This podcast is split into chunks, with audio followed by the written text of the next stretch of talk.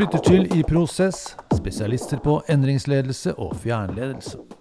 Mitt navn er Tor Berntsen, og med meg på telefon i dag har jeg Elin Sinervo, direktør Audi Norge. Velkommen, Elin. Hei, takk for det, Tor. Verden er i endring, og vi skal snakke litt om hva slags fremtid du ønsker. Men først, fortell litt om din rolle og arbeidssituasjon i dag. Jo, som direktør for Audi i Norge, så sitter jo jeg da med ansvaret for Audis eh, tilstedeværelse i, i Norge, rett og slett. Ja. Uh, og jeg jobber da hos uh, importøren Harald A. Møller, som er en del av uh, Møller Mobility Group. Møller Mobility Group er kanskje kjent fordi vi er til stede i en rekke land som Norge, Sverige og Baltikum, og, og teller over 4000 ansatte. Så rundt 400-500 av disse jobber med Audi i Norge innenfor salg og service.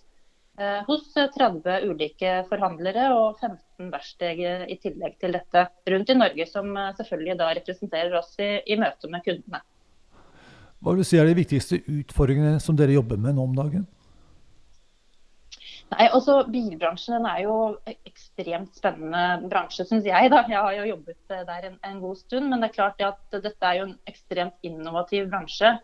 Så, så vi er jo absolutt min største oppgave og utfordring sånn sett er jo rett og slett å vite at jeg har riktig modellutvalg til riktige priser til riktig tid eh, i markedet. Så, så, det har vi jo vært igjennom fra et par år tilbake. Så hadde vi jo kjempeutfordringer med salget vårt. Vi hadde ikke elektriske modeller. Til i dag hvor vi faktisk har vært uh, nummer én i mars, og per nå ligger som en sterk nummer to etter Volkswagen i totalmarkedet i Norge. Da. Så, så det er vel egentlig sånn sett det største utfordringen for bilmerkene og importørene i, i, Norge. Og det å håndtere det store teknologiskiftet og dyptgående endringsprosessene som, som vi allerede ser at er i gang nå i, i verden, men spesielt da i, i, Norge. Vil du si at Norge er veldig annerledes enn andre europeiske land? Det er ganske kostnads, kostnadstungt å, å subsidiere eh, grønn drivlinje i så stor grad. For foreløpig er jo det en mer kostnads mer kostnadsfull eh, teknologi enn f.eks. biler på bensin og, og, og, diesel. Så det er viktig at myndighetene er med og subsidierer der. Så det er klart vi er, vi er et annerledes land. Og det, det, det, merker vi i relasjonene med fabrikken også. At vi, vi får mye oppmerksomhet, vi får mye, mye, taletid. Og, og, vi snakker veldig tett egentlig med toppledelsen i Audi AG også. Så har jeg veldig, veldig god dialog med alt fra europasjefer til utviklingssjefer der, faktisk. Eh, hvor de er veldig nysgjerrige på, på hvordan er det markedet i Norge utvikler seg, og hva er det kundene her er ute etter, og hva, hva er viktig for, for, våre kunder i forhold til å utvikle nye elektriske biler spesielt, da, som vi er veldig opptatt av. Hva ser du for deg eh, fremover? Altså, vi har jo hørt dette med selvkjørende biler ikke sant? som ja, tar deg dit du skal, og du kan sitte og slappe av. Og... Hva ser du for deg i dette bildet? Jo, altså det, er veldig spennende det du skisserer der. Men vi har jo også en veldig tydelig regjering, i hvert fall i Norge, hvor vi uh, har fått et uh, veldig klart kommunisert målsetning rundt det med nullutslippsbiler, som uh, myndighetene ønsker at vi utelukkende skal selge da i 2025.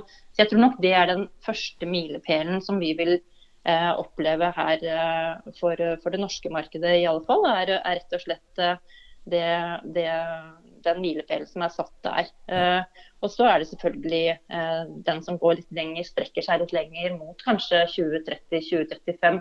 Det er veldig vanskelig, for det er klart det er massive investeringer som skal på plass. Eh, det er en del eh, infrastruktur også som, som, er forutsettende for å få til type selvkjørende biler, som du, er, som du er inne på. Da. Det er jo et drømmescenario, det. Eh, men jeg tror nok i første omgang at horisonten for, for oss i, i, i, Norge og, og for, for, produsentene også, er jo det å, å elektrifisere og, og endre Eh, produksjonen og, og drivlinjene, da, som vi kaller det i bransjen.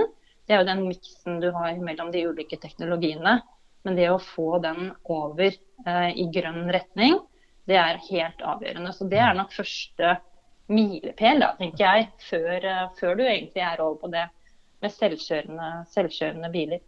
Så, men jeg tenker at mobilitetsbehovet er utrolig sterkt. Så selv om vi nå står i en krise som påvirker kanskje litt utvikling og satsing eh, fra produsenter, så, så merker jo jeg det at for Volkswagen-gruppen og, og, Audi så er det en massiv satsing på elektrifisering som de er uh, veldig tydelige på.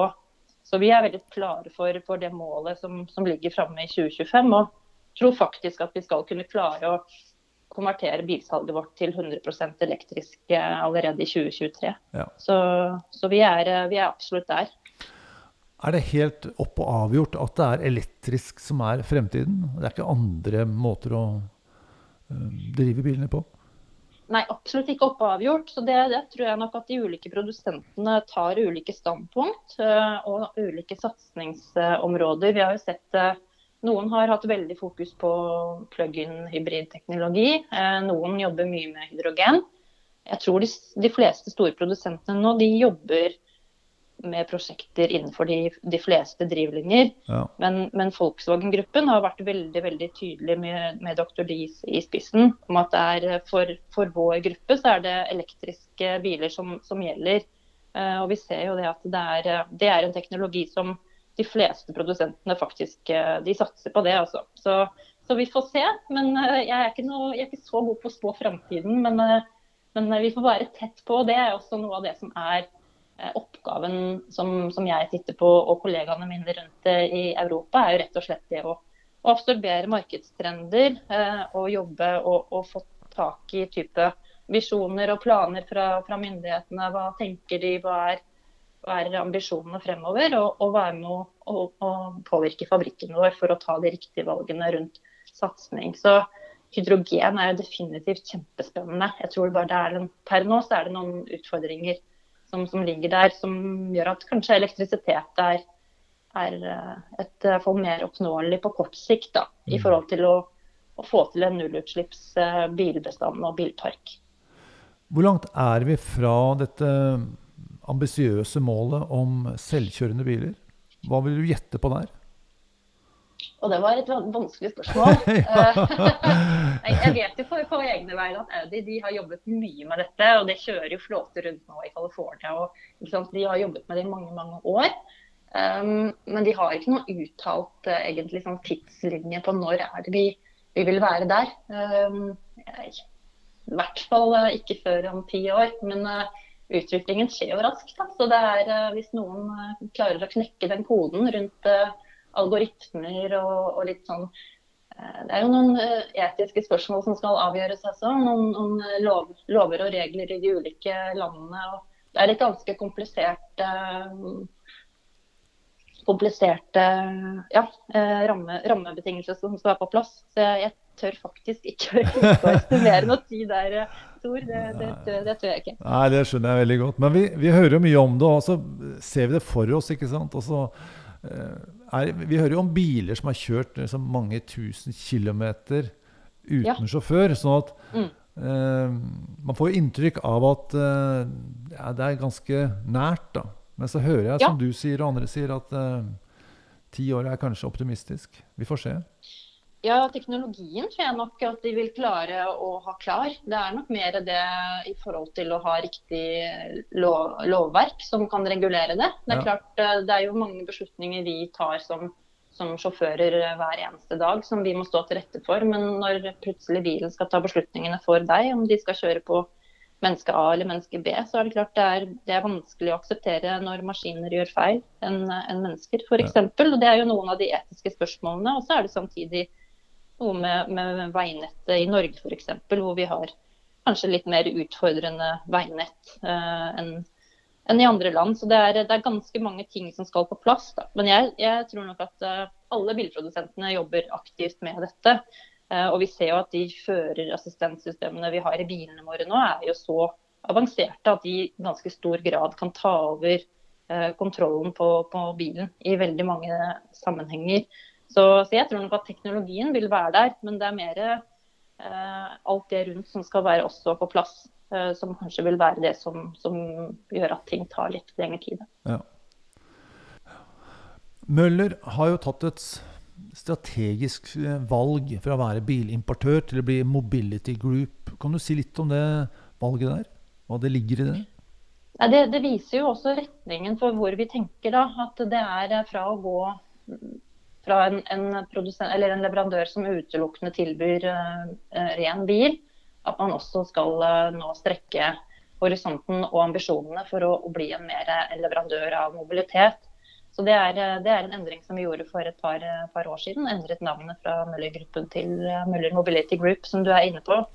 Uh, og det, det, peker rett og slett på retningen, kanskje ikke akkurat hvor vi er i dag, men hvor vi ønsker å, å være. Uh, og vi har gjort investeringer i ulike selskaper, som f.eks. Hyre, som driver med bildelingstjenester, og, og, UiP, som driver også med sparkesykkelløsninger. Så det er klart, vi, vi, prøver å se nå også på da en totalitet eh, rundt det. Og så har vi jo selvfølgelig også da Seat, som er veldig spennende, som vi hentet tilbake en agentur på nå for et par år siden, og som vi utelukkende selger gjennom digitale flater. og som driver nå med, med utforske og utforske muligheter og potensialet rundt det med eh, abonnementsløsninger på bilhold.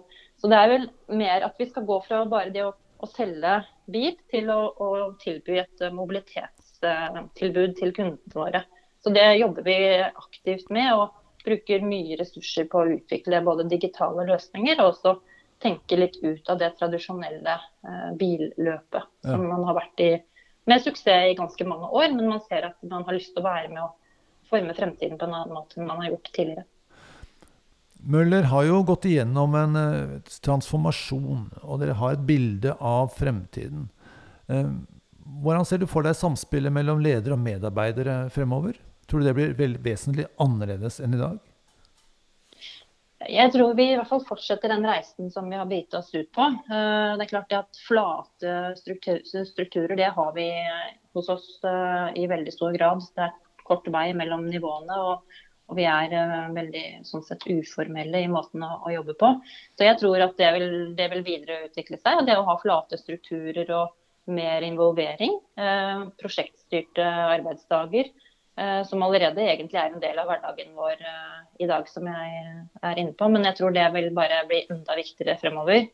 Og så, så ser vi jo det at vi er, vi er, mye på reisefot både utenlands og ute hos forhandlerapparatet vårt eh, i hele Norge. Men jeg tror at vi kanskje også vil nå, gjennom erfaringene som vi har tilegnet oss gjennom koronakrisen, kanskje få en mer erfaren og en modenhet da, rundt bruk av digitale møteplasser hvor man kan type, jobbe fra andre lokasjoner enn kontorplassen.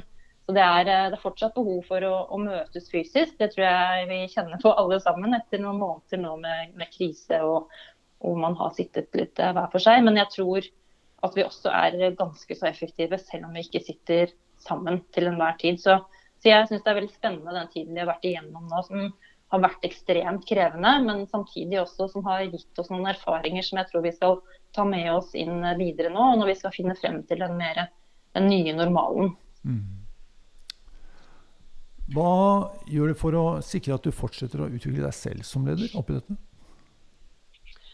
Så det, er, det er en kontinuerlig prosess. Um, det er, uh, det er, jo det å gripe mulighetene og, og bygge gode ledere rundt seg. Uh, og et team som, som er uh, som er sterkt, hvor man spiller hverandre gode. Det har jeg veldig, veldig fokus på. Uh, og det at man ikke minst hele tiden må gripe de mulighetene og, og ta nye utfordringer.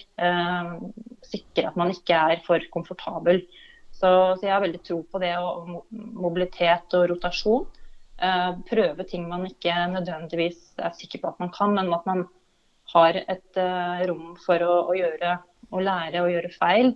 og være bevisst på det at det er det er læring uh, i det meste. Så at man rett og slett har, har, rammer og en trygghet for både seg selv, men også for teamet sitt.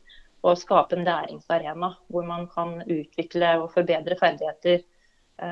Og at man har, har en kultur hvor man rett og slett prøver og også kan feile. Men selvfølgelig har et ambisjon og en, en konkurransekultur hvor man man ønsker å lykkes og vinne. Men jeg tror nok at det er utrolig viktig å, å hele tiden være i utvikling og være dynamisk. Det er nok forutsetningen for det å videreutvikle seg som, som leder, og ikke minst også utvikle teamet sitt. Jeg er litt opptatt av vikinger, og de mente at et godt ettermæle var det viktigste av alt. Man skulle utføre minneverdige bedrifter i løpet av karrieren. Hvilke minneverdige bedrifter eller ettermæle vil du skal følge ditt lederskap? Det er et morsomt spørsmål, Tor. Jeg, jeg må si at jeg, jeg, har ikke tenkt veldig mye på ettermælet mitt. Eh, det er ikke noe jeg tenker på mye i hverdagen. Men det er klart, eh, hvis man kan tenke de store tankene, da, så er det jo klart det. Vi var jo inne på det med 2025-målet. Eh, og jeg har jo lyst til at jeg og teamet mitt skal kanskje huskes som en, en del av de som var med på å bidra til at vi nådde dette 2025-målet. Så teamet mitt uh, og, og, jeg, at vi rett og slett spilte en, en, viktig rolle da bilbransjen tok steget fra å, ja, å, være en del av problemet til å bli en del av løsningen, som vi, vi var inne på. Så Det er det som driver meg hver, hver, eneste dag, og som jeg syns er utrolig morsomt å se når man faktisk det fungerer. Og det fungerer i, i markedet ved å, å, å få til å få til et skifte fra fossilt drivstoff og over på, på grønnere grønnere drivlinjer. Det syns jeg er veldig morsomt. Det høres ut som en god ambisjon. Da sier jeg tusen takk for samtalen. Takk skal du ha. I Prosess har spesialisert seg på fjernledelse og lederkommunikasjon. Vi tilbyr online lederprogram og korte online minikurs som bevisstgjør ledere i de viktigste prinsippene for fjernledelse og kommunikasjon i videomøte. Målet er superledelse og hjelpe medarbeiderne til å lede seg selv. Du finner mer informasjon på iprosess.no. slash lederprogram.